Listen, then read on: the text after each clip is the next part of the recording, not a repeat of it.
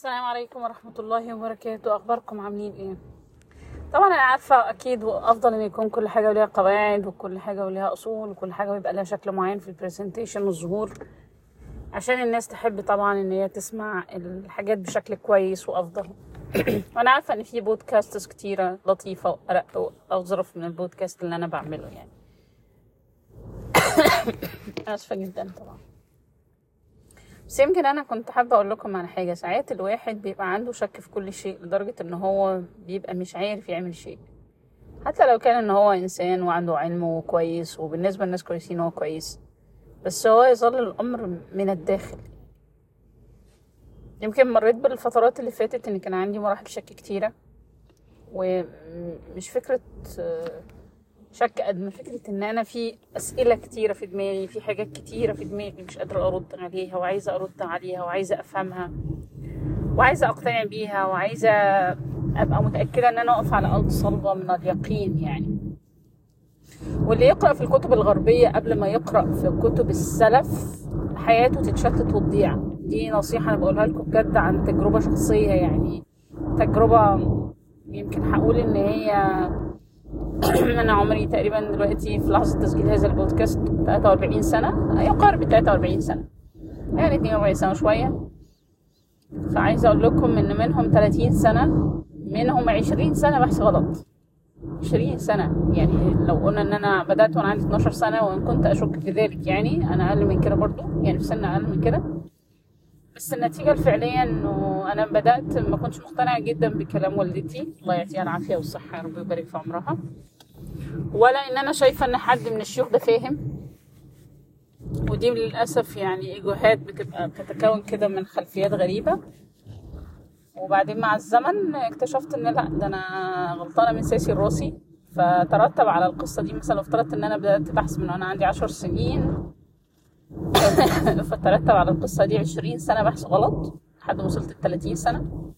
فطبعا يعني عشان تهدم كل الأبحاث الغلط وعشان كل تشيل كل التراب اللي انت حطيته في السلة النظيفة وعشان تشيل كل الفاكهة الفاسدة اللي انت خدتها اللي تشبعت بيها وتطردها بره جسمك وتحط بدلها حاجة نقية ونظيفة هتاخد وقت خرافي.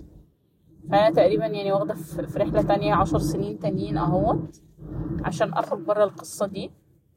والخروج جواها يعني من من جوه القصة دي لبره وإن جسمك يشيل كل التراب والفواكه الفاسدة والحاجات اللي كلها ونواتج أي شيء فاسد هو مضغه دوت عشان يعمل له تبديل وإحلال يعني. العملية بتاخد وقت مش هين وملهاش حل إلا الدعاء. أقسم بالله ما لها حل الا الدعاء بجد. يعني إن ربنا أصلا ينعم عليك كده ويكرمك ويريك الحق حقا يعني. ال- القصة مش هينة زي ما الناس شايفاها. يعني لو أنتوا شايفينها بمنظوري أنا أنتوا عارفين لما يكون عندكم مثلا يعني علبة كبيرة والعلبة دي حاطين فيها تراب كتير مثلا تمام؟ وجبتوا لعبة لطيفة كده صغنطوطة خالص في الحجم يعني مثلا ممكن يكون آه، مسارها بتاع خمسة سنتي آه، تلاتة سنتي في تلاتة سنتي. لو هزيتوا الصندوق ده لو هزيتوا الصندوق ده احتمالية إن اللعبة دي تتلطخ بالتراب قد إيه؟ لو هزة بسيطة. كتير. ولو هزة جامدة كتير خالص خالص خالص. مستحيل اللعبة دي تفلت من الهزات دي أصلا. فصدقوني إحنا فعلا بنفلت من هزات في الأرض بفضل الله سبحانه وتعالى بس إن هي تمشي. إن يعني الموضوع كبير كبير كبير كبير. يعني أنا بقيت شايفة إن الدنيا يعني محتاجة دعاء أكتر دعاء أكتر ولطف من ربنا أكتر عشان نقدر نعدي في الوضع اللي إحنا فيه. هي دي الدنيا وهي دي مصايبها وهو ده الالتهاء بيها وهي دي فكرة أفكار كتيرة جدا. التراب ده هو ذرات أفكار كتيرة جدا. فتخيل بقى ان ان حياتك أو حياتك تبقى ملطخة بتراب ومش نظيف التراب يا ريت. طب ولما يبقى تراب نظيف بقى ويستاهل فعلا إن هي تتلون يبقى تراب ملون كده ومزخرف وكويس ونافع وصالح. الموضوع يعني مش هين مش هين مش هين.